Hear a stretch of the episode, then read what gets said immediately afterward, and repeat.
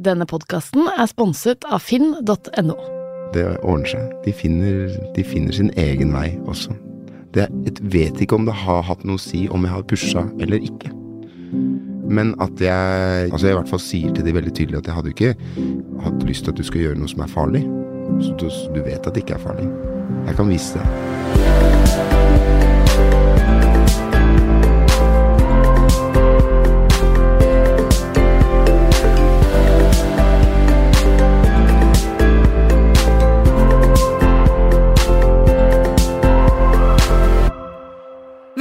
Velkommen til eh, Familiekoden podkast. Her tar vi samtalene som spinner videre på temaene vi har i TV 2-programmet Familiekoden. I dag skal jeg, Katrine Moholt, sammen med vår kyndige veileder, psykologspesialist Reidar Gjerman, finne ut av foreldrestilen til en ny gjest. Hvordan har du det, Reidar? Jeg har det kjempebra, og kanskje ekstra bra i dag, for jeg er ganske fan av, av dagens gjest. Blodfan, vil jeg nesten si. Så eh, dette har jeg gledet meg masse til, så jeg er til og med en anelse nervøs. det tror jeg ikke du har noe grunn til å være, Reidar, men jeg er helt enig med deg, for denne gangen ønsker vi velkommen til deg, Jarle Bernhoft! du er multiinstrumentalist, vokalist, låtskriver, gift med Lisa, og sammen så har dere to gutter, Mm. en på 13 og en på 6 år. Og du har sagt en gang at du har ønska deg barn siden du var 17 år.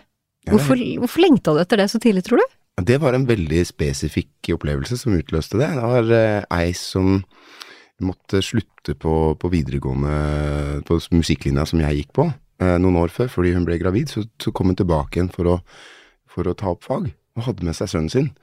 Og det var en sånn, eh, sånn eh, helt klar sånn spartang, opplevelse som ikke hadde så mye med sex å gjøre i det hele tatt. Det var bare mer sånn Jeg kjente at det, det å få barn, det er noe for meg. Det, det skal jeg oppleve. Det er ikke snakk om at jeg lurer på engang, liksom. Jeg kunne, jeg kunne helt klart se meg selv i papparollen, og, og gleda meg som en bitte liten hund. Men du har også sagt at når da um, han først kom, så sa du at det var likevel sjokkerende. På hvilken måte da? Eh, bare i forhold til eh, hvor mye tid jeg følte at jeg hadde hatt før. Ja. Jeg ble veldig sånn eh, Altså, søvnmangelen Jeg ble jo jeg ble delirisk, sant. Um, og, og, og så hadde jeg noen Jeg hadde sikkert mange illusjoner om at det kom til å bli lett å få barn. Altså Når man har hatt veldig lyst til å få barn, så tror jeg man glorifiserer det litt også. Det er jo Hvor Eh, vanskelig kan det være, liksom? ja, Mm. og det var jo kjempevrient. Mm. Bare det å, å møte Lisa sin eh, Altså hun som eh, mora til gutta. Men masse sånne ting som hun hadde ikke tenkt over av både instinkter, eh, rolleforståelse som hun hadde tatt med seg fra sin barndom, eh, som kom og krasja med mine forestillinger om hvordan dette her skulle bare liksom, ta med rundt og dra, dra på Dra på Ja. konsert og bare få noen til å passe på han mens jeg er på scenen. og med veldig naive tanker om hva omsorg er. Ja. Men betyr det at du og, og kona di eh, var veldig forskjellige da? At det var litt sånn litt sjokkerende i forhold til dere to som kanskje foreldre og foreldrestil var veldig forskjellig? At Ja. dere måtte lære dere å finne en middelvei, var det sånn? Ja, for jeg hadde tenkt på hvordan jeg skulle være far, og så passa ikke det kartet med terrenget i det hele tatt. For at eh, Samuel, som han eldste heter, han, han var jo sin egen type og trengte ting som jeg ikke hadde forberedt meg på at han trengte. Så mm, jeg hadde mange planer som viste seg ikke slå til. Og Lisa hadde minimalt med planer og var ganske god til å winge det, liksom. Og improvisere underveis. Så det var, det var mange tunge runder, altså. Mm. Men eh, det, det gikk jo fint. Jeg er fortsatt glad i hverandre. Mm. Og det er, eh, det er sikkert eh, det er litt utfordrende for et forhold, det å få barn. Ja, for det er to ulike kulturer som møtes. Og um, man tar med seg sin egen barndom inn i um, inn i sitt eget foreldreskap, da. Og bruker jo sin egen eh, barndom som en slags mal, kanskje, mer eller mindre bevisst, for hvordan man skal være foreldre selv. Og så plutselig har man med seg en som kommer fra en annen familiekultur, og da uh, må man finne ut av det. Og det er i hvert fall en ting som er ganske sikkert når man får barn, at ting blir jo ikke som planlagt hvis man har masse planer. Det, det blir annerledes. Og da er det jo litt spennende, for nå skal vi eh, finne ut, Jarle, hva slags foreldrestil du har. For du har jo tatt eh, foreldrestiltesten vår, som vi har laga i TV 2. Og da er det altså sånn at du kan lande på fem foreldrestiler. Enten så kan du bli strukturert, empatisk, fleksibel, beskyttende eller målretta. Hvilken stil tror du selv at du har? Eh, jeg tror ikke jeg er så veldig strukturert. Jeg tror jeg er både empatisk og, og jeg, jeg tror jeg er en sånn blanding av alle de fire siste. Kjentes det litt sånn Mm, altså, både empatisk, meg- fleksibel, beskyttende og målretta. Ja, men eh, ikke overbeskyttende. Nei. For jeg tror jeg skjønte det på noen av spørsmålene at det, er- dette her er litt sånn ikke bare beskyttende, men, men redd. Mm. Og det er jeg ikke. Men jeg følte meg litt over hele, over hele fjøla. Mm. Hva tror du Lisa ville sagt du var, da? Nei, jeg tror det er veldig empatisk og fleksibel, tror jeg ville vært eh, Og hun? Hva hvis du skulle sagt hva hun var av de fem? Hun er nok det samme. Så sånn egentlig, selv om dere har litt forskjellig utgangspunkt, Ja, har, så er dere veldig like i Vi- stilen og, og på en måte være sammen med barna deres på? ja, vi har en sånn Altså, her er, jeg skal illustrere med en liten historie. Vi, var, vi bodde i New York i to år, og det var der Samuel lærte seg å sykle. Og det var kjempegøy, men han blei god.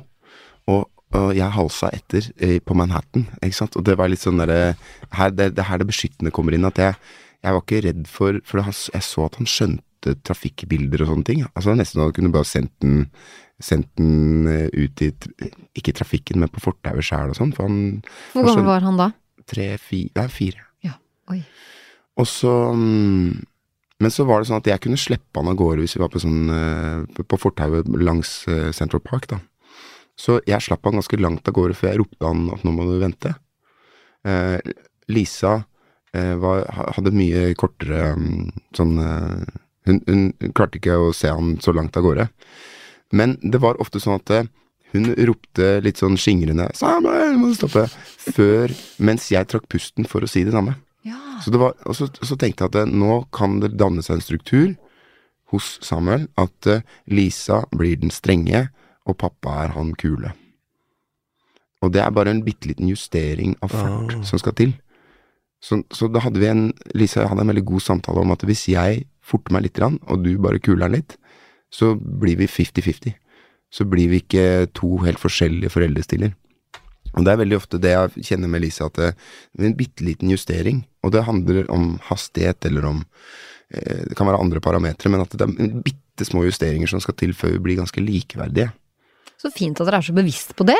Men var det noen av de spørsmålene i testen du syntes var vanskelig å svare på? Ja, det var veldig mange jeg følte at det, det kunne vært eh, både to-tre svar. Mm. Fordi alle, alle resultatene har jo på en måte både positive og negative sider ved seg. Ja. Eh, er det en stil du håper du absolutt ikke har? Nei, den der litt overbeskyttende stilen, den, ja. den, den, var, den var jeg veldig klar over at det, den har jeg ikke. Nei. Altså det har du vært bevisst på å ikke ha også, på en måte? Har, mer, jeg har vært mer pushende enn Altså, så for eksempel han eldste, han er ikke noe glad i vanskelige. Badeland, så han vil ikke ta vanskelige. Så det syns jeg var litt sånn kjedelig, for jeg syns det er så gøy sjøl. Ja, for det er jo også et av, um, et av eh, spørsmålene. Hva Ja. ville du gjort for å kunne eh, hjelpe barnet ditt til å hoppe fra femmeteren? Ja. Inspirere barnet ditt til å, å gjøre det. Eh, vi kan komme litt tilbake til det, fordi jeg tenkte vi skulle fortelle deg hva slags foreldrestil du da har. Ja. Og du har eh, god selvinnsikt som far, Jarle, for du vises i denne testen at du har en empatisk foreldrestil. Mm. Men du heller også mot en målretta foreldrestil, Ja. og den viser at du er opptatt av grensesetting. Mm. Så det er egentlig det du har, eh, har sagt og vært, eh, vært bevisst på. Hva tenker du om det? Nei, Ja. dette, dette tar jeg som skryt. Ja, Jeg velger det. ja, ja. Og, og Reidar, kan du fortelle litt om den kombinasjonen? Altså absolutt empatisk, men godt ispedd, målretta og opptatt av grensesetting. Hva, hva kan du si om den type foreldrestil? Denne kombinasjonen mellom å være målrettet og empatisk eh, kan jo være veldig bra. Fordi man både er med å sette kursen eh, for barna, særlig hvis de er med å eh, styre litt, da. Um, og man lever seg inn i hvordan barna eh, tenker og mener, ikke sant. Og det, det er jo så viktig at man som forelder gjør det som man ønsker at barna på sikt skal gjøre når de selv blir voksne, nemlig det der å kunne eh, se andre mennesker innifra og seg selv utenifra, sånn at man hele tiden regulerer det man gjør, da, ut ifra hvordan man tenker at de andre har det. Men da kan vi jo ta tak i det du, du snakka om. Vi, vi hadde jo et spørsmål som, som helt tydelig viser at du er målretta i forhold til dette her med når du er på badeland, som du sier. Du elsker sjøl å kjøre vanskeligere, og så er kanskje ikke sønnen din så glad i det. Eh, og, og, i den testen så var det da et spørsmål som går på det hvordan du vil motivere barnet ditt til å hoppe fra femmeteren. Og da, eh, da svarer du at det er viktig at barnet flytter egne grenser. Jeg er ikke redd for å pushe på selv om frykten melder seg. Hvorfor er det viktig for deg? Nei, fordi at øh, det har jo slått feil å pushe øh, hos begge to. Ja, hvordan da? Dette har jeg opplevd med begge gutta, at øh, jeg har skjønt både at de har tråkka over grensa, at de blir han, han yngste begynte å hyperventilere en gang da jeg pusha han litt for å, for å sykle nedoverbakke. For det syns han er dritskummelt. Og så, og så, så, så, skjønte jeg at han syntes dette var redd, og så sa jeg at du, du Benjamin, det går bra, du trenger ikke gjøre det. Å, takk, pappa. Og det var helt sånn Ja, det, det stakk i meg, da.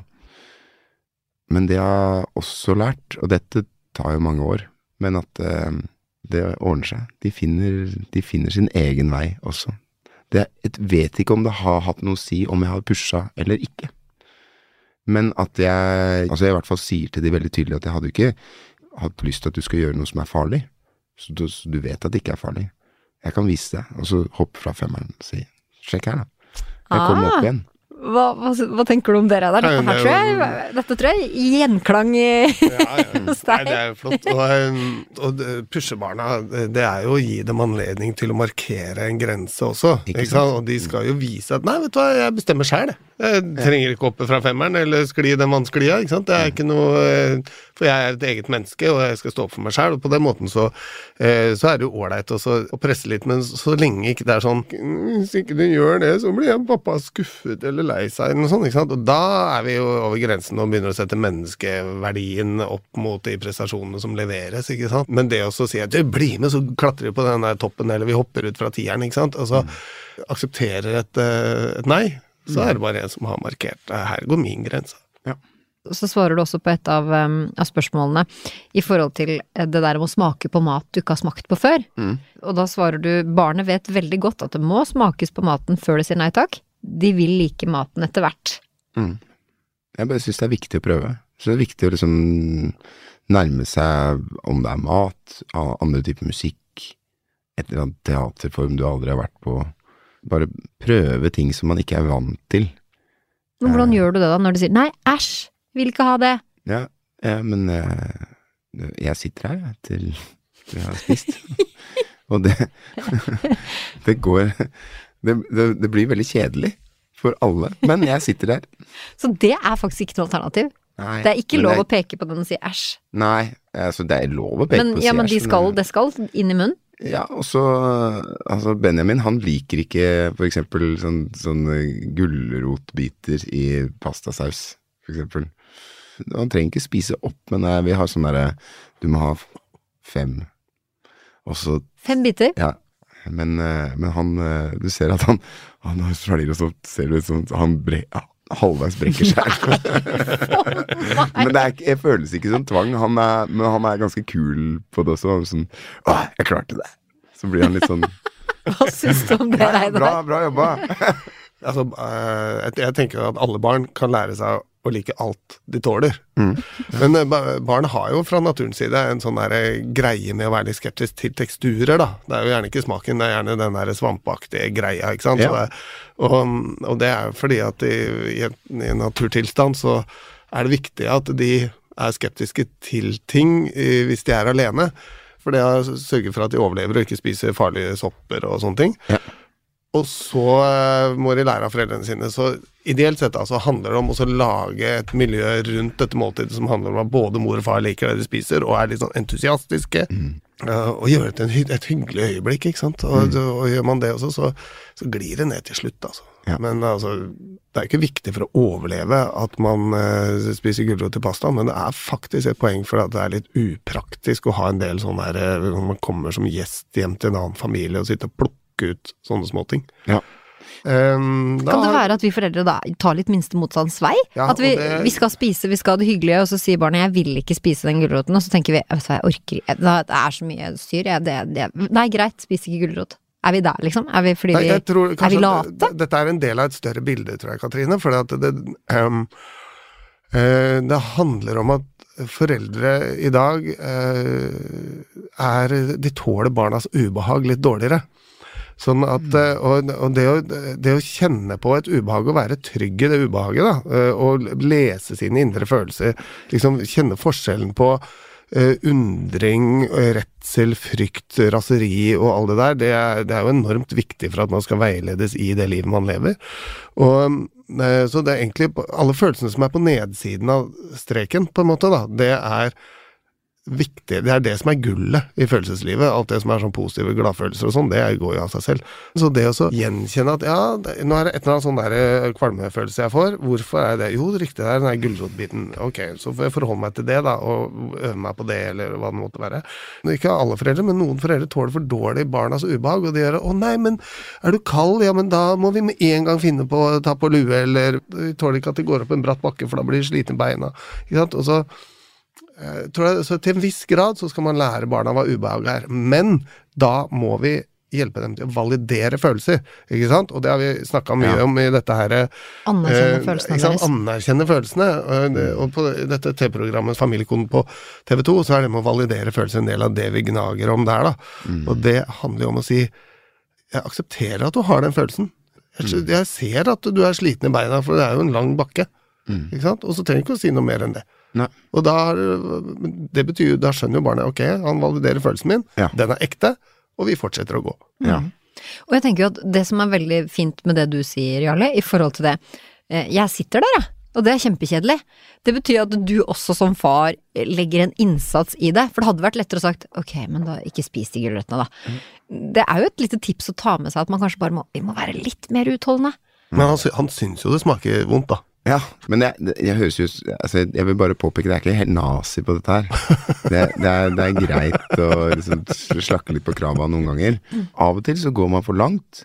Og her er noe som jeg syns er dritviktig, og dette går vel på å validere følelser, egentlig, men, men den derre evnen som foreldre å kunne si unnskyld, den har jeg kjent på Altså, jeg kan Jeg har veldig mye godt å si om faren min, men, men han er ikke så god til å si unnskyld.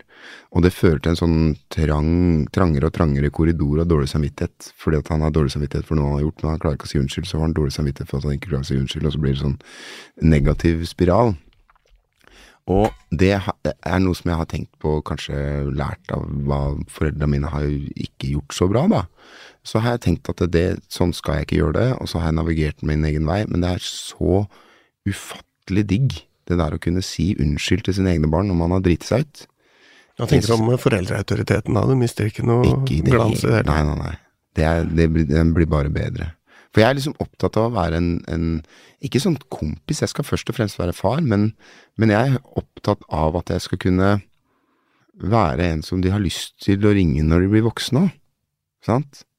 Jeg husker jeg var hjemme hos foreldrene til en kompis av meg, så han var 30 år da, dette, da jeg så dette skje, han hadde satt seg på fanget til faren sin, så ble jeg sånn Fy flaten, så kult! Det liker jeg så kjempegodt. det var, De hadde så jævlig godt forhold, liksom. Og de, var, de hadde en sånn god kompisgreie, samtidig som de var veldig tydelige far og sønn fortsatt. Så Det var sånn derre sånn, sånn pappa jeg har lyst til å være. Si, si litt mer om det der med å si unnskyld, for vi rommer jo deg på det veldig her, da. Vi synes, er veldig glad for at du tar opp det temaet, for det er jo noe vi er opptatt av. Hva slags situasjoner er det som er, er typisk at man går og ber om unnskyldning for? Og Det går jo på at hvis jeg eh, eksempel har vært stressa, altså alle de tingene som gjør at jeg er kjipere enn jeg trenger å være, som ikke har noe med verken Samuel eller Benjamin å gjøre. Det er ikke deres skyld at eh, jeg går rundt og er gnurebukk. Og det å være på turné, for eksempel, og komme hjem, da er ikke jeg, jeg er ikke på mitt beste som far når jeg opplever at jeg har vært borte kjempelang tid.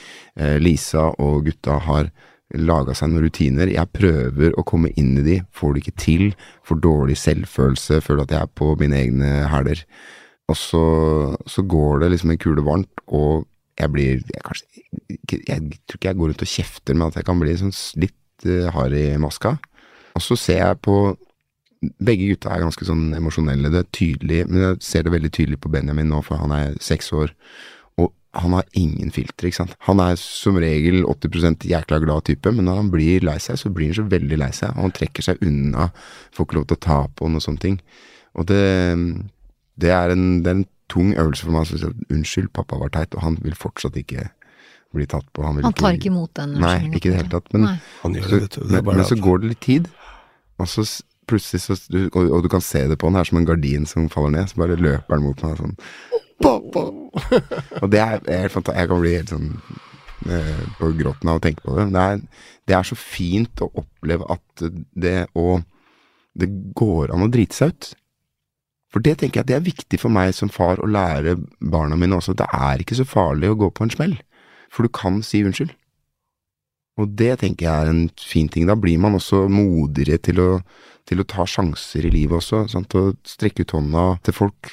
Man blir kanskje ikke så redd for å få hånda si slått vekk, fordi at eh, man har tro på at folk har mulighet til å se seg sjøl utenifra, som du sier, da. Og det, skal jeg, det, det tenker jeg er viktig at jeg lærer de. Eller jeg er med på å lære de, da. Og det, det er veldig interessant eh, at du sier det, for det, er jo noe vi har vært veldig opptatt av, og du har vært veldig opptatt av når vi har lagd dette programmet òg, det derre hvordan man reparerer forholdet til barnet sitt og gjør det enda sterkere hvis man da har vært urettferdig, som vi mennesker er, og som vi er som foreldre. Mm. Jeg tror det er bare at jeg har lyst til å være en som, som står i det å, å si 'jeg dreit meg ut', istedenfor å prøve å skygge banen og late som det ikke har skjedd, da. Mm. Hvis du har kjefta eller, eller vært litt sånn stressa og, og sinna og snakka gjennom tenna til, til barna sine, som ikke bare late som det ikke har skjedd, og anerkjenne også min egen, validere min egen følelse, Mm. og validere barna mine sine følelser av at det har skjedd også. Hva har du tatt med deg fra din egen oppvekst i rollen som pappa da, som du tenker har vært fint å ta med seg? En sånn jevnhet å, å være en som kan stoles på, for eksempel. Altså, det er veldig viktig for meg å eh, Hvis jeg sier at jeg skal bli med på noe eh, Hvis det er en bursdag som uh, en av gutta skal, så er det litt sånn shaky, og jeg har sagt at jeg skal bli med, så kan ikke jeg trekke meg. Da kan det Hvis jeg har dobbeltbooka meg og shit, jeg skulle i en podkast, da må jeg ringe podkasten og si dette går ikke. Du setter gutta først. Ja, altså, at de, de blir prioritert da. og Hvis jeg har sagt at jeg skal gjøre noe, så skal jeg, skal jeg holde det jeg har lovt. Det syns jeg er viktig. Og det, det har jeg fra, fra moderen og faren. De var jo stødige folk, liksom. Med en som var lærer, så betyr vel det at du hadde en forelder eh, innen rekkevidde hele sommerferien og sånne ting, da, kanskje? Begge to. Operasanger har lange sommerferier, de òg. Aha. Ok, Så det så, dette med tid er noe som du har opplevd, da? Det har jeg opplevd. Og at da, men det har vært veldig store skiller, men at, det, at det på sommeren så har, har de vært supertilgjengelige. Har det vært bra? Ja. Mm. Det var, det var veldig, veldig fint for meg, altså. Mm. Ehm, og så har jeg en jobb som tar meg vekk veldig mye. Mm.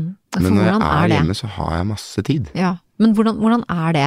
Eh, Du sa litt om det i stad, det der å ha vært borte i noen uker, for eksempel. Mm. Og da hjemme så har de sine rutiner.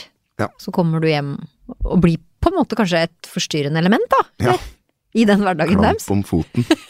Ja, men, men føler du det? Hva, Ja. For det, jeg tenker, det her er jo Du er jo turnerende musiker, det er jo ikke så mange som er, men, men det der Det er jo mange foreldre som er borte fra barna sine i, i perioder på jobb, ikke sant. Eh, først til deg, da, eller hvordan er det å være pappa da? Når du liksom har veldig intenst sammen når dere er sammen, og så plutselig så er det boff, så er du borte. Ja. Hvordan er det?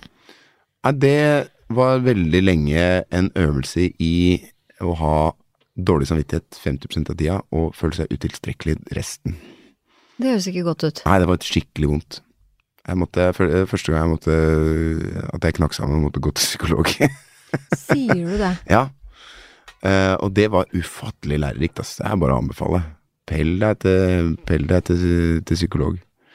For hva var det du lærte da, som du fikk håndtert bedre? Puste. Oi, fortell. Nei, så det, det var første hun sa da jeg kom, så, så, så begynte jeg å fortelle om sånt. Nei, men det, kamerat, du puster jo ikke. Her skal jeg vise deg hva som skjer. Så satte hun som plansje, da. Det var jækla artig. Hun snakka om liksom hvordan jeg oppfatta Hun oppfatta meg når jeg prata, at jeg ikke pusta, at jeg virka kontinuerlig stressa. Og så sier hun 'sliter du mye med stemmen'? Ja. Og så satte hun opp en sånn plansje da, hvor hun mente at jeg måtte Fordi jeg var veldig sånn uh, uptight på at uh, jeg var mye hes. At jeg, at jeg At jeg forberedte meg på neste gig idet jeg gikk av scenen. At jeg skulle legge meg ned og puste i ti minutter. Skulle ikke gjøre noe annet. Og så dro jeg på turné, og så prøvde jeg aktivt å bli hes, og fikk det ikke til. Og da ble jeg mye roligere på alt mens jeg var på turné, som gjorde at jeg fikk en ro da jeg kom hjem. Og det pusting, pusteøvelser, bare løste så mange floker. Det var som å se en sånn lang rekke med knuter som bare Du tok tak i riktig, riktig snor, og så bare Jeg var så takknemlig. Jeg bare Neste, neste psykologtime hadde med blomster og vin. for- for- for, sånn For du er jo fortsatt turnerende musiker, og er borte da i perioder, og intenst hjemme når du er hjemme. Hvordan føles det nå, da? Ja, i dag? Altså sinnssykt mye bedre. For jeg føler at gjennom det at jeg har tatt tak i mitt eget stress, så har jeg også fått overskudd til å snakke med Lisa om eh, dynamikk. Veldig lenge så var vi i en sånn dynamikk hvor hun var hjemme med barna, og jeg var, var brødvinneren, jeg Det var eh, sånn eneforsørger. Men øh, gjennom det at jeg fikk tatt tak i stresset mitt, så fikk åpna det opp en mulighet for oss å prate om likestilling. Vi har to feminister som hadde sånn 50-talls kjønnsrollemønster, det var helt wacko. Og så fikk vi liksom snakka om det. Vi fikk snakka om familiestruktur. Hun klarte å, å samle mot til å si at hun hadde lyst på flere barn. Eh, og hva det ville si. For én er jo piece of cake, to er jo en stor jobb. Så det var liksom en uke vi hadde hvor vi la en sånn slagplan for hvordan vi skulle liksom rette opp i dette veldig skeive kjønnsrollemønsteret vårt. Og ingenting av dette her som har ført til at hun nå har en kuratorjobb på Nasjonalmuseet, altså tok lappen da hun var høygravid, altså alt det der som har vært skeivt, da bare er mye mer i vater. Det hadde ikke vært mulig uten at jeg tok tak i meg sjæl og fikk liksom løst opp i det stressknutesystemet. Ja, for, for, det, for det, Reidar, det, det her er jo, gjelder jo så mange foreldre. Vi er, altså er det noe foreldre er, så er det å være stressa. Gjør mindre av alt er jo eh, lurt av og til. Men nå hørtes det jo også ut som vi hadde med en å gjøre som ble stressa og sliten på grunn av de følelsene som han satt med, da, ikke sant? Altså den dårlige samvittigheten og alt dette her. Og det er jo ganske interessant at når han bidrar til at det blir en litt mindre sånn 50-talls eh, kjønnsfordeling hjemme i, i familien, hvor det blir mer likestilling og litt eh, og, og han tilpasser seg mer, som jo man skulle tenke seg at det er jo først og fremst en fordel for, for mor og de to barna. Så blir han mindre stressa av det også, ikke sant? Så det betyr at likestilling slår jo ut for, eh, for alle på en god måte, da. Ja, for det er jo akkurat den type feminist jeg er. At jeg tror det er bedre for menn at likestilling skjer.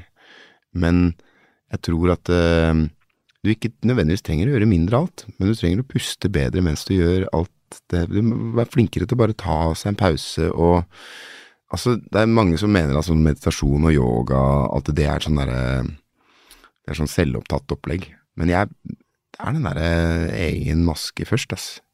Før du hjelper andre. Ja. Hvis du bare kjefter på deg sjøl, hvordan, hvordan skal du unngå å kjefte på alle rundt deg? Mm. Man må liksom stryke seg sjøl litt medhårs og være god med seg sjæl. Liksom. Det er utrolig viktig å se, se sin egen verdi. Nå som vi har med oss eh, Reidar, så skal du også få lov å stille noen spørsmål, hvis det er noe du har tenkt på i forhold til dette her med å være far. Jeg har et spørsmål som er altså Da Samuel var liten, så, så var jeg veldig mye borte. Og det er på sett og vis hans fortjeneste, for det var i pappapermen som jeg, hans som jeg skrev den skiva som, som gjorde at det smalt. Eh, og, og var på turné omtrent hele tida. Men så har jeg også kjent på etterkant altså Det sies jo mye om disse to første årene at det er kjempeviktig. Og da var jeg veldig mye borte. Eh, og så liksom, kan jeg gå rundt og være litt redd for at det er noe jeg har gått glipp av, som ikke går an å få tilbake igjen.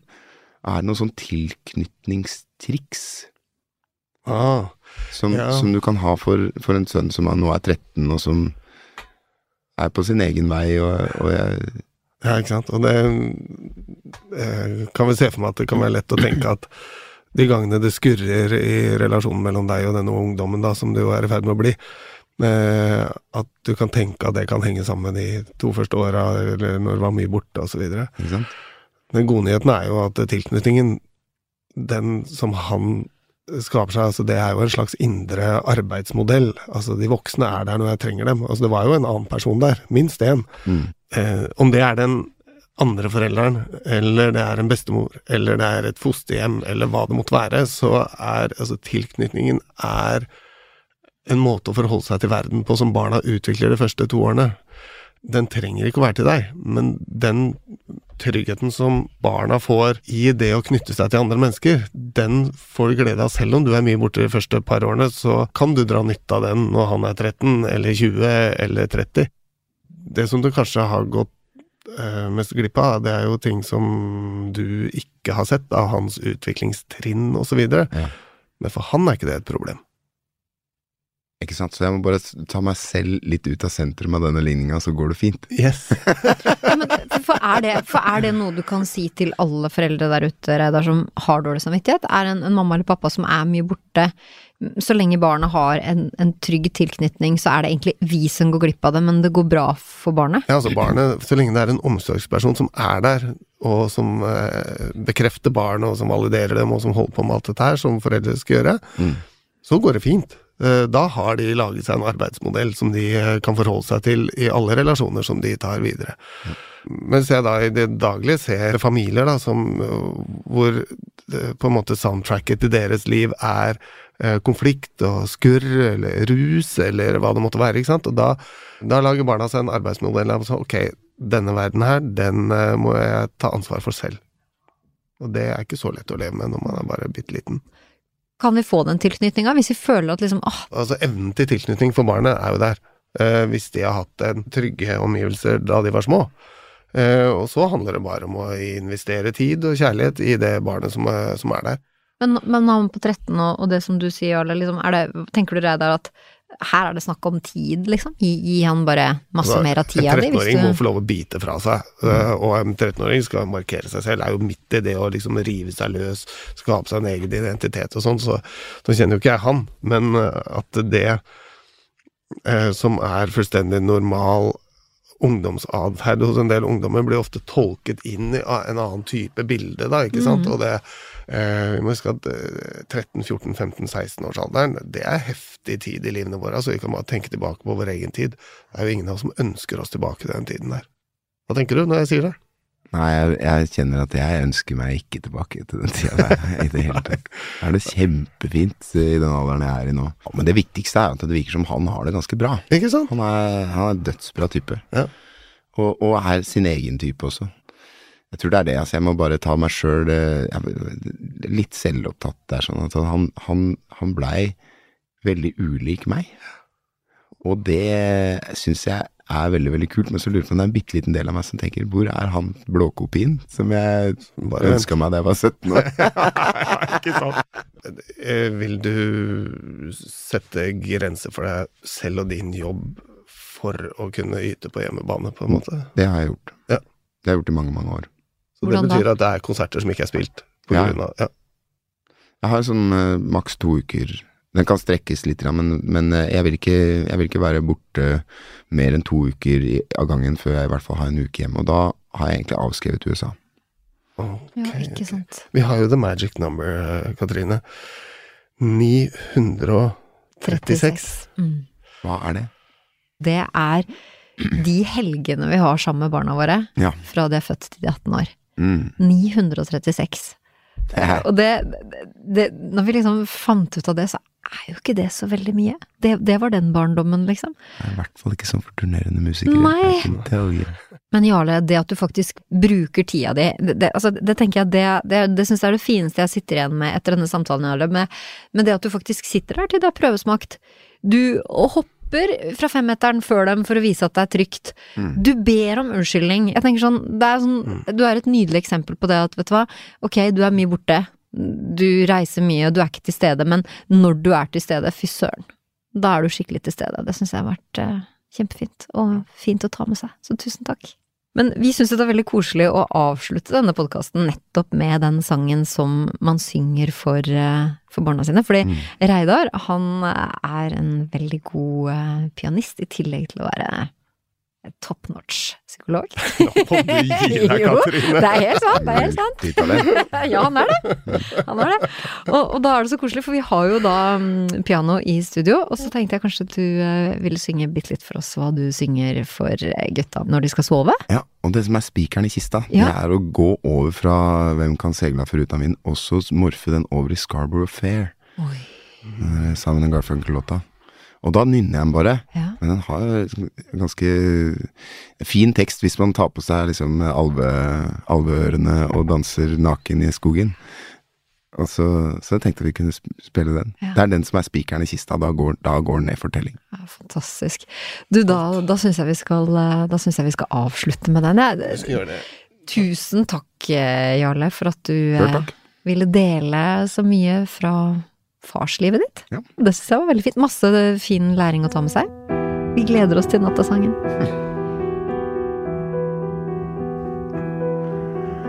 I'm going to Scarborough Fair.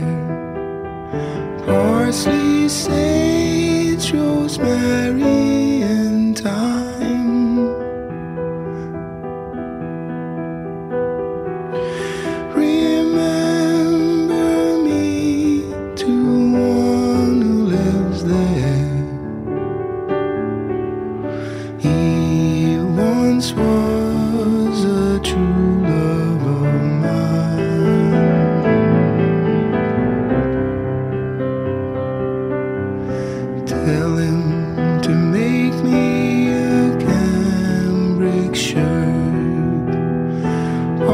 parsley, sage, rosemary,